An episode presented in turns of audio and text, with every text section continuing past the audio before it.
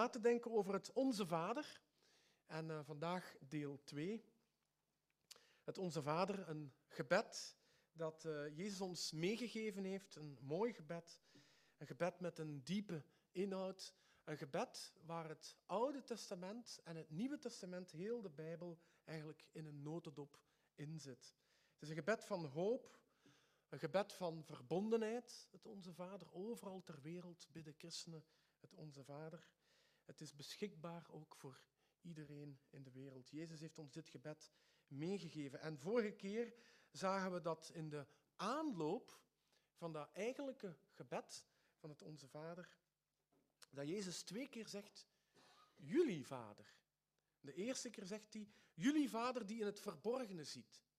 Met andere woorden, God de Vader is overal. Hij ziet alles wat er op aarde gebeurt. En daarom ook is Hij in onze binnenkamer, in onze provisiekast, zoals we vorige keer gezegd hebben, waar Hij ons heel persoonlijk wil ontmoeten en bemoedigen. Jullie Vader die in het verborgene ziet. En als tweede had Jezus gezegd, jullie Vader die weet wat jullie nodig hebben. En dat is zo mooi. We hebben er vanmorgen ook over gezongen, maar God kent onze noden. Hij kent ons beter dan dat we onszelf kennen. Hij heeft ons meer lief dan wij onszelf lief hebben. En we hebben vorige keer gezien het slechte voorbeeld van de fariseeën, of van veel van de fariseeën, de huigelachtige fariseërs, en ook van de heidenen. Eh, de fariseeën die stonden op elke hoek van de straat om te laten zien hoe vroom dat ze waren. En de heidenen die probeerden de goden en ook God te bereiken door hoogdravende woorden en door herhalingen en allerlei mantras, aanspreektitels, om de goden maar te behagen. En Jezus zegt, als je tot God de Vader bidt, niets van dit. Niet op de hoeken van de pleinen, niet met hoogdravende woorden, maar in uw binnenkamer. Alleen met God. En met heel eenvoudige aanspreektitels. Vandaag, en uh, je mag, Jonathan, de, één dia, dat is wat we vandaag gaan zien, waar we over gaan nadenken. Um, ten eerste, we gaan eigenlijk maar over twee woorden nadenken. Onze Vader. De eerste deel gaat het over onze Vader. We gaan nadenken over God als Vader. En uh, we zullen zien dat God de bron van ons leven is. En we zullen ook nadenken over het vaderbeeld van God. En het tweede deel is, gaat het over onze Vader. Daar ligt de nadruk onze, het gemeenschappelijke. Samen met andere christenen. En we zullen zien dat er ook geen onderscheid is. Uh, alle onderscheid valt weg als we onze Vader uh, bidden. Nu, veel mensen vragen zich af, hoe moet je nu bidden? Hoe kan je beginnen? Uh, welk aanloopje is nodig om in gebed te gaan? Welke aanspreking van de schepper van hemel en aarde is waardig? En Jezus zegt heel eenvoudig, onze Vader. Tegelijk eenvoudig en superpersoonlijk. Een hoogdravende opening was gebruikelijk, vooral bij de heiden, maar ook bij de joden, want, en ook bij de joden, per slot van rekening, je had met de Allerhoogste God te doen, met de Almachtige die je aanspreekt. En dan moet je toch wel op je woorden passen. En ook nu nog zie je dat in de islam, hebben ze voor Allah 99 namen waarmee Allah kan aangesproken worden. En ja, die zijn best indrukwekkend, eh, want daar staat in dat rijtje ook uh, alle, de barmhartige, de onderhouder, de alwijze, de onpartijdige. En, en, en, toen ik dat las, dacht ik van, ja, eigenlijk zijn dat ook uh, mooie aanspreeknamen van onze God. Zo is onze God ook. En het verwondert niet dat dat in de islam gebruikt wordt, want de islam, het godsbeeld van de islam, is deels gebaseerd op het godsbeeld van ons Oude Testament. Um, de alwijze, de onpartijdige, de onderhouder en de barmhartige. Ik vind dat mooie namen die passen bij onze God. Dit is het godsbeeld van het Oude en ook van het Nieuwe Testament. Maar Jezus leert ons hier in het gebed van het Onze Vader een eenvoudig begin. Onze Vader. In het Nederlands twee woorden, in het Hebreeuws één woord. Avinu. Het beeld van God als vader, dat bestond al in het Oude Testament. We lezen dat in Psalm 103, vers 13. En daar staat, zo liefdevol als een vader is voor zijn kinderen, zo liefdevol is de Heer voor wie hem vrezen. Dat is een ongelooflijk mooi vers. En dat beeld van, dat, dat vaderbeeld van God, dat in het Oude Testament in de kiem al een stukje aanwezig was, dat stond wel in de schaduw, dat was nog niet zo heel duidelijk in het Oude Testament, het stond in de schaduw van God, de almachtige schepper.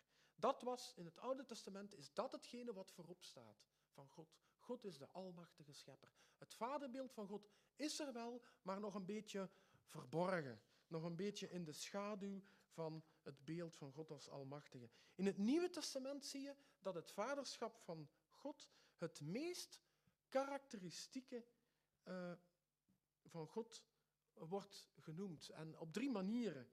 Uh, het is het meest karakteristieke van God in het Nieuwe Testament. God als vader. En ten eerste, op drie manieren. Ten eerste, hij is vader van Jezus.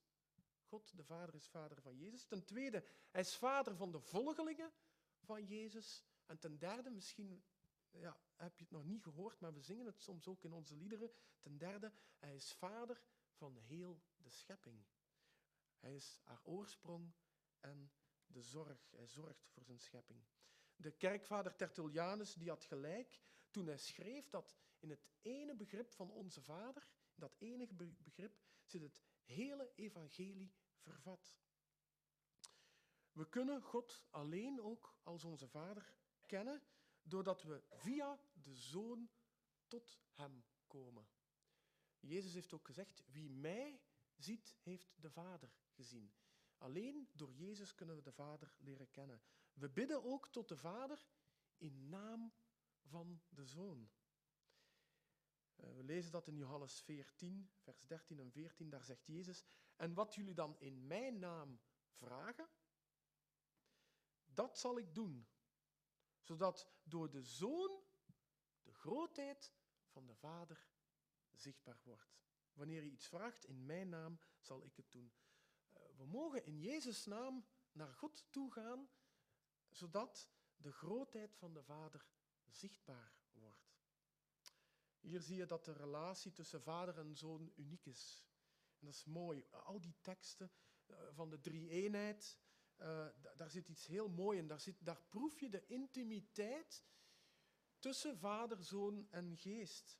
Paulus zei later dat, we, dat God ons leert in de geest, dat, dat God ons door de geest zijn zoon heeft gegeven, die dan in ons zegt, Abba, vader.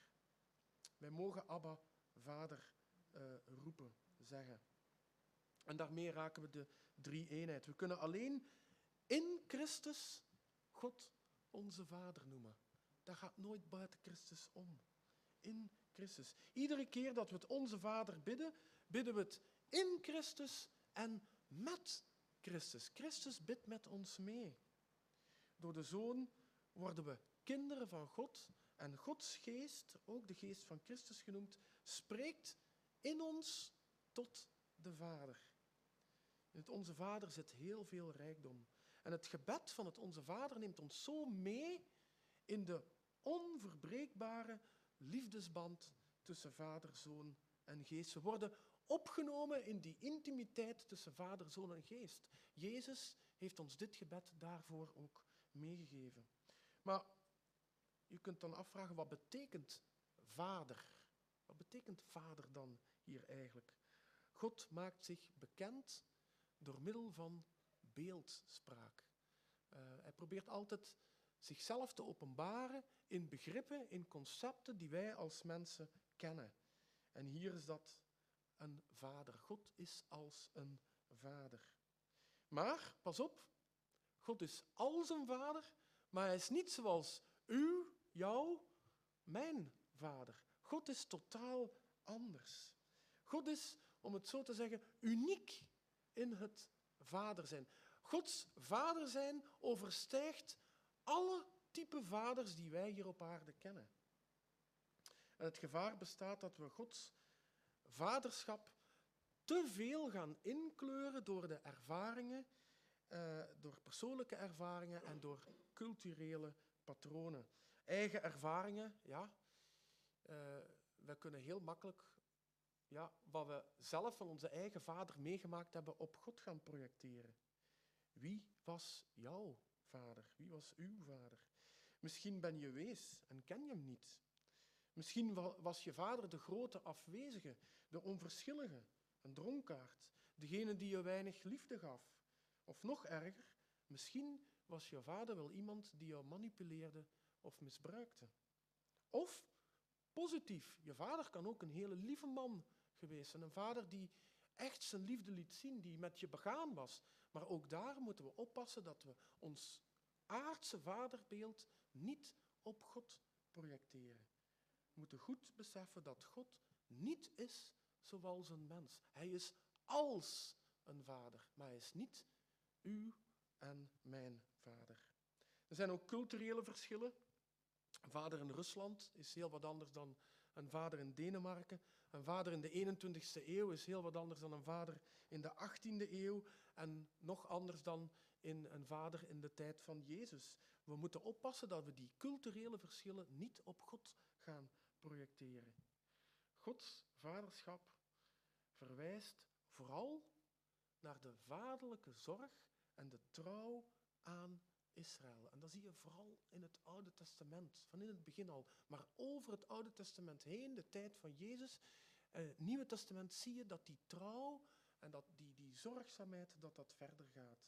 Gods vaderlijke, onveranderlijke liefde vormt de bron van bevrijding en hoop voor Israël, maar ook voor alle kinderen van God. En uh, Mozes die spreekt daarover in Deuteronomium 1, vers 30, over het, het, volk Israël, over de moeilijke tijd in de woestijn. En dan zegt Mozes, en ook in de woestijn waar u ervaren hebt, zegt hij tegen zijn volk, dat de Heer, uw God, u gedragen heeft als, zoals, zoals een vader zijn kind draagt.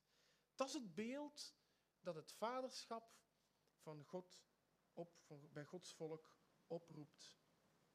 Nu, kennen wij dit beeld van God als vader, het beeld van zorg en bevrijding? Kennen we dat nog wel? Goeie vraag. Paus Franciscus heeft over een vaderloze cultuur. Um, en hij bedoelt daarmee dat veel vaders van tegenwoordig te veel bezig zijn met zichzelf. Met hun kinderen. Dat is misschien vooral een probleem van de vaders. Misschien ook van sommige moeders. En daardoor geven ze een verkeerd beeld van Gods vaderschap. En dan kun je de vraag stellen, waar zijn hier de echte vaders onder ons? Degenen die op God de Vader willen lijken. Dus dan ga je niet het vaderbeeld van de aarde op God projecteren, maar je hebt het vaderbeeld van God en je wil ook dat zorgzame, dat liefdevolle zo voor je kinderen zijn. Dan draai je de zaken om. Dat is de juiste volgorde. God als liefdevolle vader. Willen we als vaders daarop lijken? Nu, God als vader in de Bijbel drukt drie belangrijke elementen uit. Ten eerste ontvangen we van de Vader het leven. Hij is de bron van ons leven. Punt 1. Ten tweede is de Vader de hoogste autoriteit. De Vader heeft het voor het zeggen in ons leven. Zijn wil willen we volgen. Uw koninkrijk komen, uw wil geschieden. Wij willen de wil van de Vader, daar willen we ons naar richten. Hij is de hoogste autoriteit, God de Vader, in ons leven. En ten derde, de Vader heeft lief en zorgt voor ons. Kort gezegd, in het beeld van God komen levensbron, gezag en liefde samen. En dan kun je afvragen, ja, amai, het nogal, hè? Ja. Dan kun je afvragen, ja, mannelijke beelden, um, zijn er dan geen vrouwelijke beelden van God? Vraagt misschien een feministische theoloog zich af. Wel, laat ik u zeggen, op basis van Gods woord, het is niet altijd zo. Soms wordt God met een moeder vergeleken.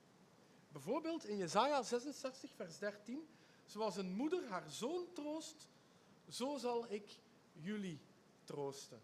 Dus God wordt ook met een moeder vergeleken, die moederlijke zorg, die liefdevolle zorg. En opmerkelijk is dat voor het Hebreeuwse woord, het Hebreeuwse woord voor barmhartigheid, dat vond ik wel een hele mooie, eh, barmhartigheid van de vader, El Rachum in het Hebreeuws, wordt een woord gebruikt dat afgeleid is van de moederschoot, Rechem, baarmoeder. God is onze vader, maar ook, en dat klinkt misschien heel vreemd in onze oren, God is een baarmoederlijke God, zou je kunnen zeggen. God is als een barmhartige moeder. Als. Hij is het niet, maar hij is als een barmhartige moeder. En als ik denk aan een moeder, ja, moeders zijn goed in vergeven. Die vergeven hun kinderen. Uh, en zo is God ook gaarne vergevend. Uh, moeders hebben een ongelooflijk mooie band. Ze hebben een eigen kind gedragen. En dat is ongelooflijk, de moederband. Ik, ik, ik blijf me daarover verbazen. En dat is een mooi beeld van hoe God eigenlijk ook voor ons wil zorgen, hoe God ons wil dragen. Hij heeft ook een bijzondere verbondenheid met zijn kinderen. En zo is de, en dat is eigenlijk mooi gezegd, zo is de barmhartige God voor ons als een moederlijke vader. Liefde en zorg, de hoogste autoriteit en de bron van ons leven. Alles komt zo samen bij God als Vader. En zo komt het dichtbij.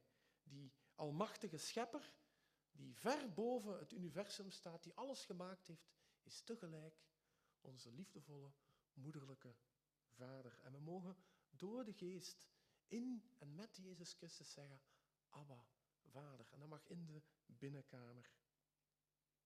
Ons tweede punt voor vandaag, onze, onze Vader.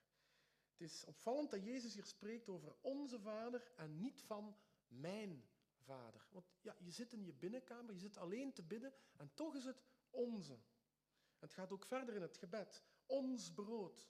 Geef ons heden ons dagelijks brood. Onze zonde, onze schuldenaren. Het, het woordje ons. Jezus heeft net geleerd dat bidden heel persoonlijk is, een intieme ontmoeting tussen de hemelse vader en zijn kinderen, in het verborgene, zonder publiek, zonder pottenkijkers, God en ik. En toch bidden we onze. Dat is een, een paradox, een tegenstelling. En hoewel het gebed heel persoonlijk is, is het altijd verbonden met christenen wereldwijd. Waar we het onze Vader bidden, zijn we verbonden met al die andere christenen misschien de christenen in Noord-Korea, de andere kant van de wereld. Um, in het Onze Vader zijn we verbonden met, met elkaar. En het lijkt tegenstrijdig. Het persoonlijke aan de ene kant en het gezamenlijke aan de andere kant. Een vreemde gedachte in onze individualistische maatschappij. Maar wanneer we persoonlijk bidden, vertegenwoordigen we alle gelovigen. Ons persoonlijk gebed vormt een onderdeel van een wereldwijd uh, gebedskoor. In het bidden van het Onze Vader vormen we het priesterschap van alle gelovigen. Samen met andere gelovigen, samen met de Geest, drukken we Gods verlangen met deze wereld uit. Uw koninkrijk komen, uw wil geschieden. Samen met andere gelovigen, in afhankelijkheid van God, vragen we de vervulling van onze noden. Geef ons heden ons dagelijks brood. De noden van onszelf, maar ook de noden van anderen, onze. Samen met de wereldwijde kerk vragen we vergeving en Gods hulp om vergeving te schenken. Samen met de wereldwijde kerk zoeken we bescherming bij God in kwade dagen. En tenslotte voegen we ons bij de gezamenlijke christelijke hoop op de volledige ontplooiing van Gods koninkrijk. Samen, samen, samen. Je bidt het alleen in je binnenkamer, maar het is samen met alle anderen in de binnenkamer alleen, maar nooit eenzaam. God plaatst ons in een gezin. En we mogen bidden als lid van dit gezin. Hij is de vader van wezen, beschermer van weduwen en geeft eenzamen een thuis.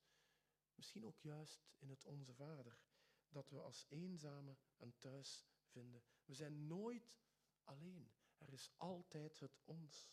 Ook in de meest intieme gebeden.